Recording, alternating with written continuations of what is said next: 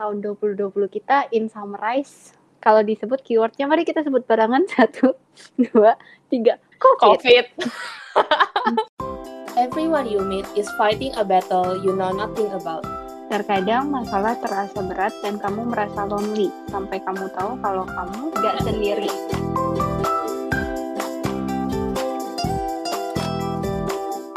Bon, lu ngeh gak? Kita ini udah episode 10 loh, geng. Yeay. Akhirnya. Gak berasa ya, padahal rencana kita kan Iya. 20. Terus ini udah 10, berarti udah pertengahan nih, ibarat kata setengah perjalanan. Setengah lagi, Iya. baru kita semangat setengah lagi. Dan cepet banget. Seingat gue kita mulai Juni nggak sih? Enggak, kita mulai kayaknya Mei deh, Mei. Oh, setengah tahun. Ya, lumayan lah ya, kira-kira. Terus kayak, ini kan episode 1 sampai 10 tuh kayak season 1, pas banget di akhir tahun. Terus itu nanti episode 11 sampai 20 itu nanti setelah tahun baru. Jadi kayak benar-benar season 1, season 2 ya. Dan ini bukan disengaja kan ya? Ini tidak disengaja. Iyalah, kan kita timingnya jago aja. Oke. Kita kali ini mau bahas apa ya, Oke. BTW? Dari tadi udah tiba-tiba ngebahas udah season 10 aja nih. Iya dong, kan gue mau bahas biar temanya sesuai. Kita sekalian ini eh, podcast itu kayak awal dan akhir. Akhir 2020, awal 2021. Jadi kita akan review tahun 2020 kita. Oke. tutup tahun, tutup tahun, tutup buku. Yoi, tutup buku guys. Kalau tutup buku satu tahunan itu paling lembur.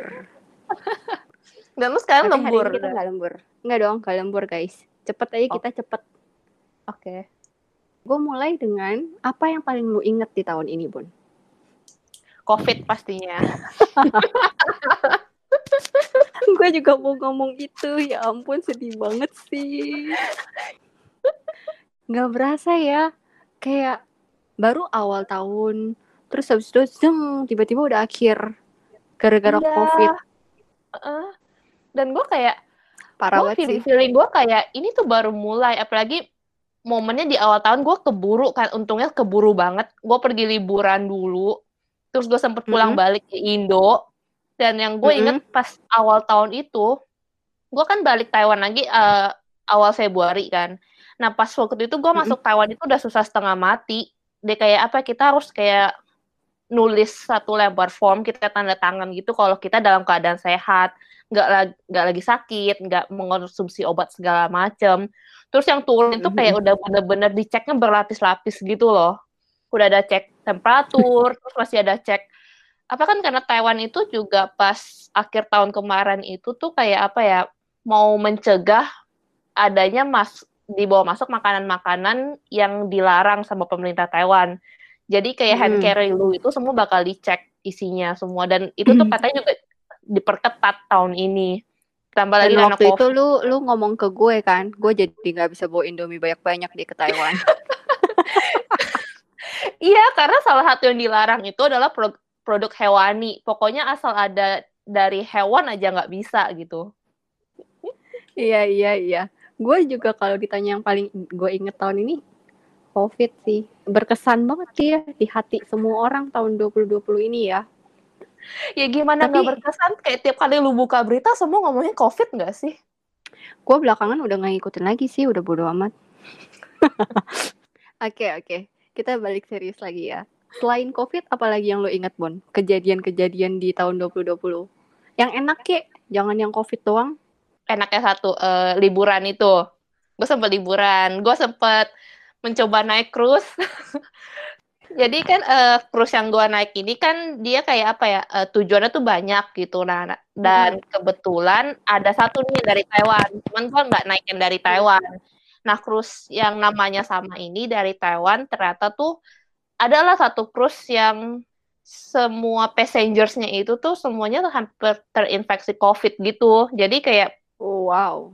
apa ya mereka udah sampai tempat tujuan pun nggak bisa turun, nggak bisa ke mana-mana karena nggak ada negara yang mau nerima mereka kan. Karena kalau mereka masuk ke negara itu Uh-uh. berarti jumlah kasus di negara itu nambah gitu.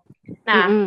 jadi di awal tahun gue sempet nyobain naik cruise itu dan gak ada masalah. Gue pulang ke Indo.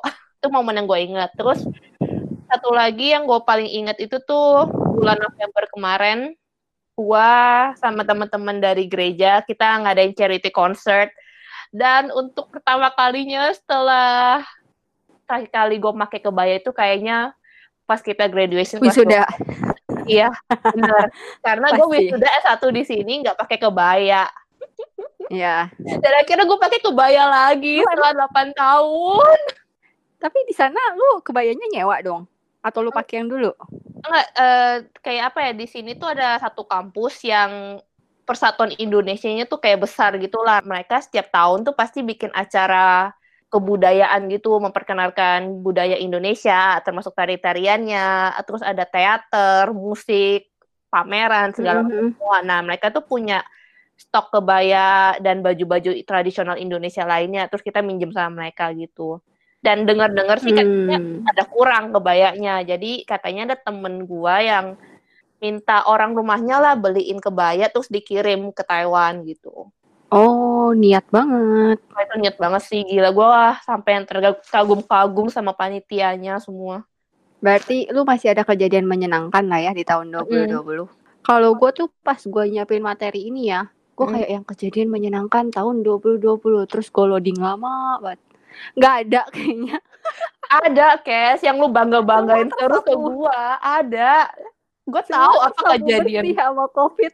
Wah, gue nggak tahu ya kenapa lu bisa inget. Tapi tuh yang gue inget itu awal Januari 2020 itu benar-benar tanggal 1 tank hujannya deres banget. Gue inget banget karena gue di rumah. iya, iya, iya. Itu deres banget. Udah deres banget, banjir. Iya, iya, Wah, iya, iya, giling. Awal tahun itu Indo banjir, rumah gua kebanjiran, guys. Dan tahun ini itu bener-bener tahun pertama di mana banjirnya sampai masuk rumah. Sebelum-sebelumnya nggak pernah. Sebelum-sebelumnya tuh masih kayak yang lu tahu di depan rumah gua di pintu itu kan kayak ada tanjakan naik gitu kan. Ya, Paling sampai ya. situ, paling banter paling situ. Tapi Heeh. ini tuh sampai masuk rumah, sampai gue inget banget pas ba- masuk rumah itu bapak mak gue kayak pusingnya itu sama kulkas. Karena kalau kulkas kena air tuh pusing. Udah, Jadi pusingnya eh. tuh ngangkatin kulkas, yang lainnya tuh enggak. Terus yang gue inget juga tuh tahun ini gue kayaknya renov plafon. Ya kan? Kan kita Oh, iya, iya. kan? Gue juga, gue juga. Plafon, gue renov plafon juga. Dan lu tahu kan cerita renov plafon gue? Gue kayak dalam setahun itu gue beberes banjir, beberes plafon. Itu gue udah gak tahu kali berapa kali beberes rumah sampai bosen. Sampai gue kayak tiap hari kerjaan gue pokoknya cuma nyapu, ngepel, ngelapin tembok karena inian plafon kan. Dan itu perkara plafon aja tuh sampai nggak kelar-kelar karena ada waktu di mana gue sendirian di rumah waktu itu itu untungnya pas lagi beberes plafon agak kemarau sebentar ya musimnya. Terus abis itu tiba-tiba masuk musim hujan lagi tuh kayaknya. Dan plafon rumah gue ternyata karena yang ngerjain gak beres, itu banjir lagi. Like literally kayak gue lagi di MV itu semua pojokan pojokan dinding itu mengeluarkan air. Dan gue sendirian di rumah dan gue udah kayak yang MV bener-bener lu lihat gue lihat dari sebelah kiri ke sebelah kanan semuanya mengeluarkan air gue kayak oh my god. Itu bener-bener gue inget banget. Parah banget sih tahun ini. Udah lewat perkara beberes rumah, banjir, plafon, corona. Oh, udah kelar. Tapi gue inget, Kes, tahun ini tuh ada yang lu senengin banget dari tahun ini. Apa PSBB. ya? Kok gue gak inget? Oh, tapi itu kan gara-gara corona, Bon. Itu gara-gara corona. Lama-lama Tapi gue lu udah seneng kan karena PSBB ini? seneng sih. Karena kalau buat gue itu PSBB bener-bener udah WFH di rumah, gak usah keluar, ya kan? Pakai Hmm. baju leseh tiap hari. Terus kayak lu, gue bisa bangun siang. Sedangkan lu udah berangkat bangun pagi-pagi kan? Dia. Gua nggak ada WFH sama sekali, gila.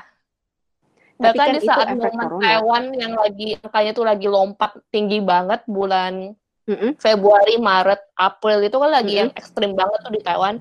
Itu pun nggak ada Mm-mm. WFH sama sekali tetap kayak masuk normal. Oke oke.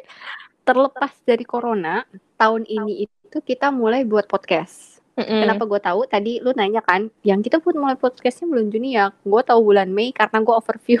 Gue search dong. Oh, podcast tahun ini enggak ya? Jadi minimal ini satu hal yang dilahirkan dari zaman corona, koronials. Di saat yang lain menambah jumlah penduduk, Jumlah bayi yang lahir di bulan Desember tiba-tiba melonjak. Iya, kita menambah jumlah podcast yang lahir di tahun ini. Terus selain itu, eh, itu kan event yang paling lu inget ya di tahun Hmm. 2020 ini nih. Nah biasanya kan orang-orang itu ada resolusi ya tahun Mm-mm. 2020. Lu ada resolusi nggak pas 2020 ini? Ya ada dong. Wede, gimana progresnya Bon? Udah tercapai semua di akhir tahun? Em, ada yang gagal pastinya, ada yang Mm-mm, tercapai, ada yang Mm-mm, ongoing. Ini kita rekaman kebetulan masih ada nyisa dua minggu lagi ya sampai akhir tahun Mm-mm. 2020. Gua kayaknya bisa sih nyelesain ini. Jadi resolusinya tercapai semua ya? Ada yang gagal sih. Ada yang Kayak- gagal apa? Resolusi jalan-jalan. gue udah niatin tuh kayak bulan Juni bokap nyokap gue mau ke Taiwan kan pertama terus gue udah mikir ah gue mau ngajakin bokap nyokap gue jalan-jalan ke pulau-pulau kecil di sekeliling Taiwan gitu kan naik pesawat gagal bokap nyokap gue nggak bisa ke Taiwan Mm-mm. terus kita ada rencana mau jalan-jalan juga kan Mm-mm, betul. itu juga Walaupun gagal sih itu. itu gagal karena satu dan lain hal ya. Oke. Nah, salah satu karena COVID juga kan. Iya. Hmm, tapi ada gantinya gue tahun ini akhirnya jadi nyoba road trip di Taiwan karena Hmm. berhubung nggak bisa keluar negeri ya udah jalan-jalan dalam negeri. Terus kalau misalnya yang sukses apa? Yang sukses hmm, Dan berkesan? yang perjuangan banget menyelesaikan resolusi ini di tahun ini.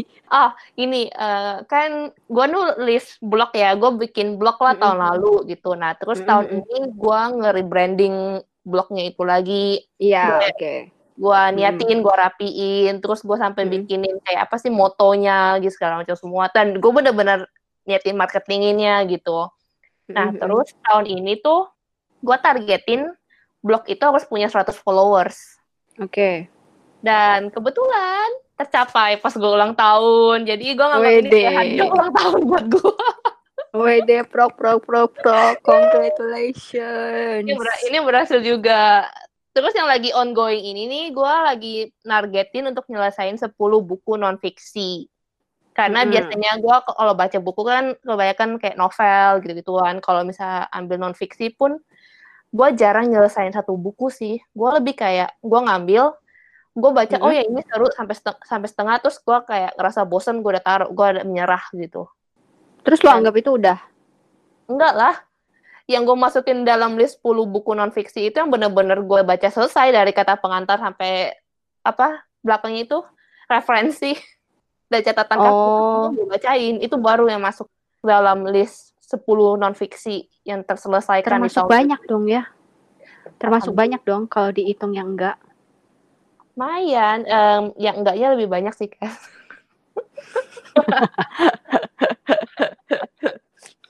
gue gue sebenarnya suka baca buku juga tapi gue udah lama banget kayak udah nggak nyentuh buku lagi kayak baru akhir-akhir ini baru niatin mau baca buku tuh tapi lu menemukan niatnya itu gimana ya karena gue nggak berniat sama sekali sekarang pegang buku apalagi non fiksi yang berat banget itu kadang malam-malam Nah, justru gue itu taruh di sebelah tempat tidur. Jadi, gue pokoknya semenjelang gue tid sebelum gue tidur tuh, gue bakal nyisain satu sa- setengah jam lah sampai satu jam maksimal gitu buat baca buku. Dan bacaannya kan berat kan, jadi otomatis bangunnya ngantuk.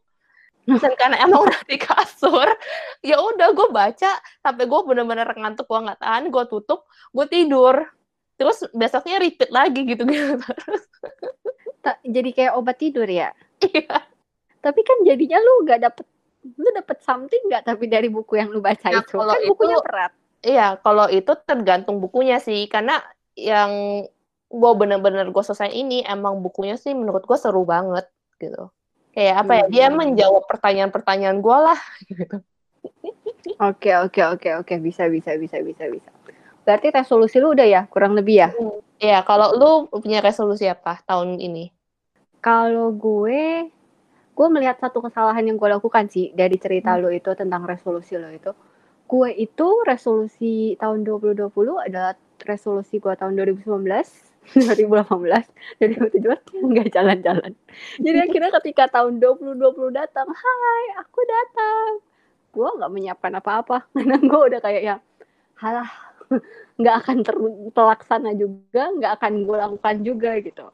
Tapi kan setelah gue dengerin lu ngomong kayak gitu, gue kayak, "Hmm, iya juga sih. Mungkin karena resolusi gue nggak terukur gitu loh. Hmm. Gue kayak cuman resolusinya baca buku lebih banyak, titik udah.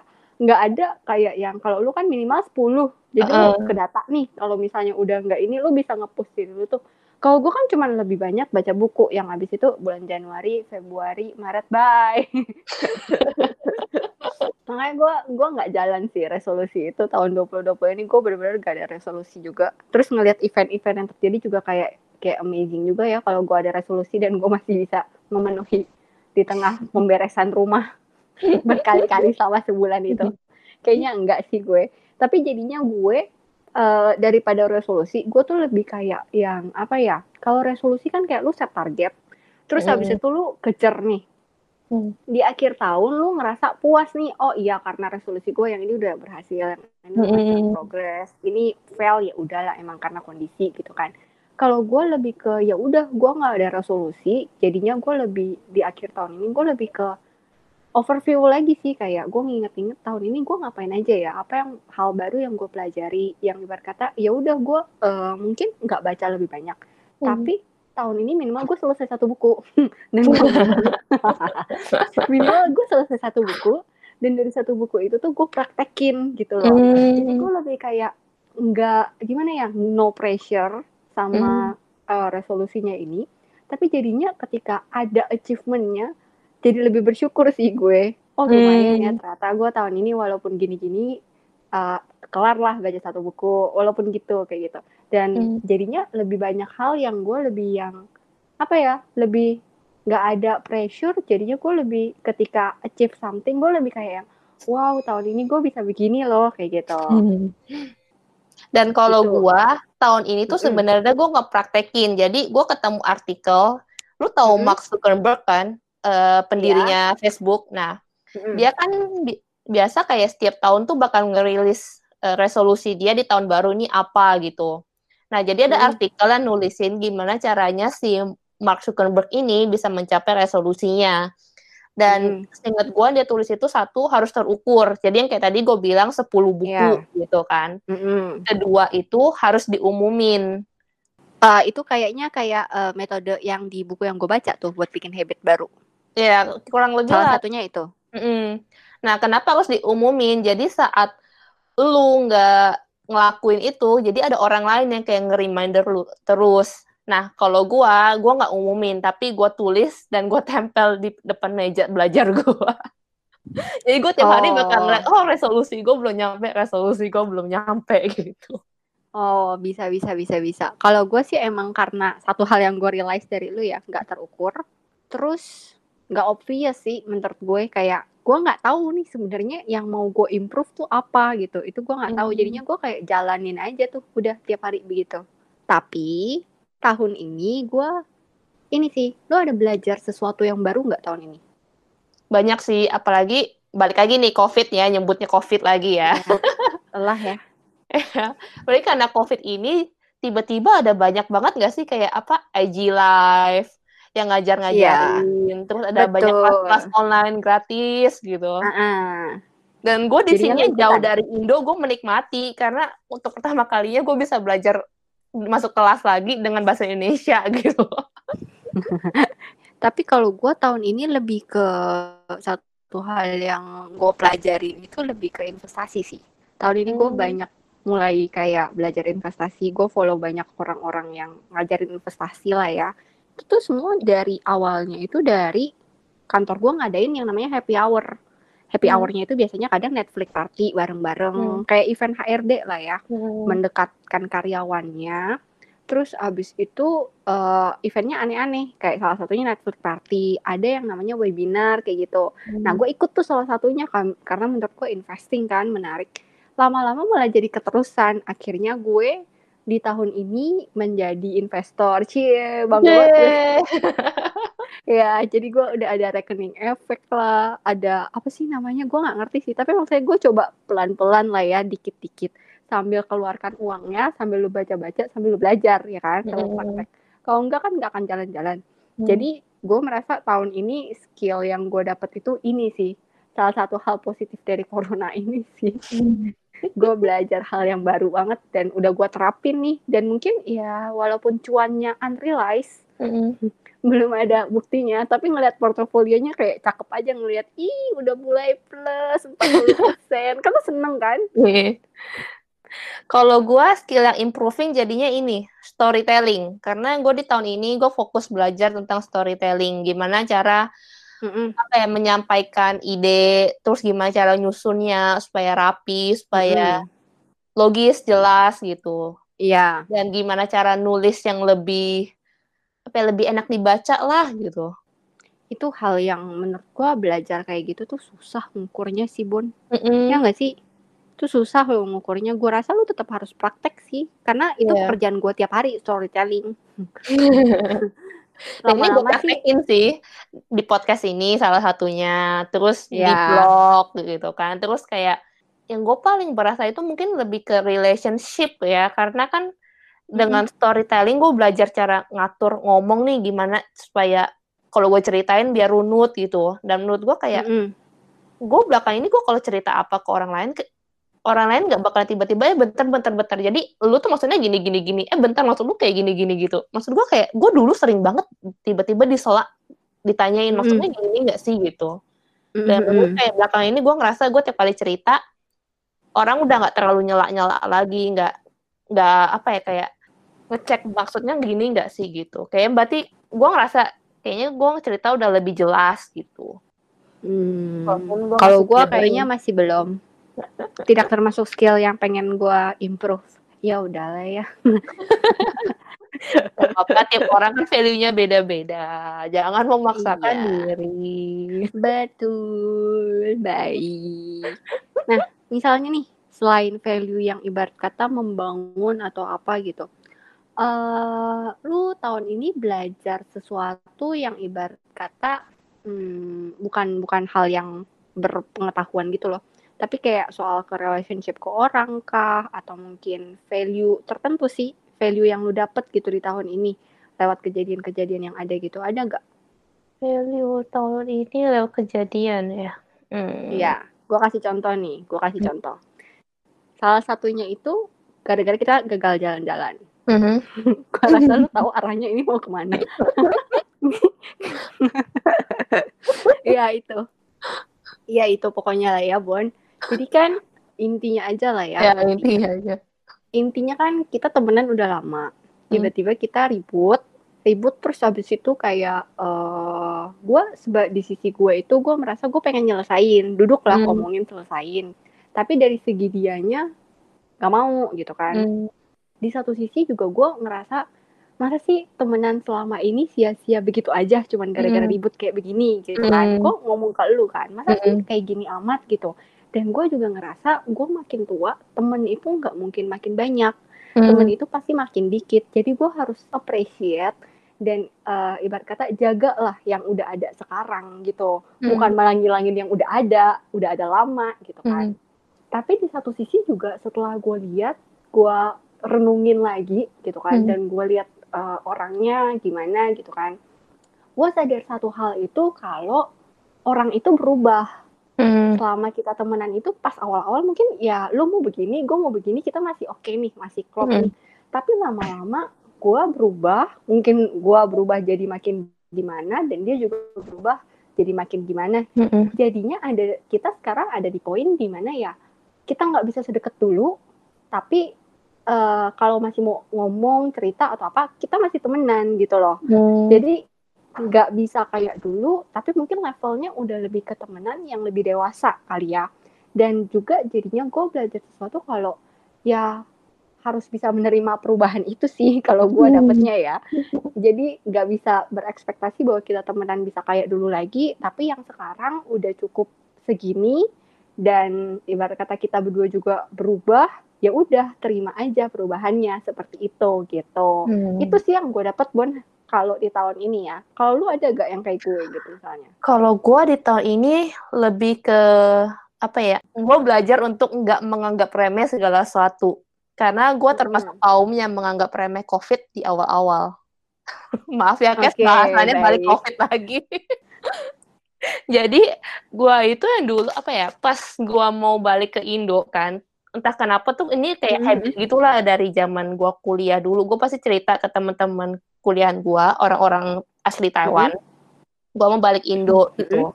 Nah, pas Mhm. akhir tahun 2019 kemarin, gue udah bilang ke mereka, eh, gue mau balik lagi nih ke Indo gitu. Nah, teman-teman gue itu waktu itu Mhm. udah bilang, hati-hati loh, sekarang ada virus baru dari China. Terus gue kayak, Mm-mm. virus apaan? Gak pernah ada beritanya gitu kan. Dan menurut gue kayak, virusnya udah di China kan, ya udah di China aja urusannya. gue mau balik Iya. gue justru malah lebih serem gue di Taiwan ya, karena Taiwan sama China deket nih. Lebih dekat, iya Iya. betul. Nah, terus kan gue balik ke Indo pas Hamin satu Imlek kan waktu itu Wuhan di lockdown kan karena itu waktu itu paling parahnya. Dan gue mesti Mm. nganggap kayak oh ya udah palingan di China-nya aja gitu kan, China dan sekitar gitu. Nah, pas Mm. menjelang gue mau balik ke Taiwan, ada temen gue yang di Taiwan dia bilang, Vel bawa Hmm. banyak masker dari Indo, soalnya masker di Taiwan itu udah langka.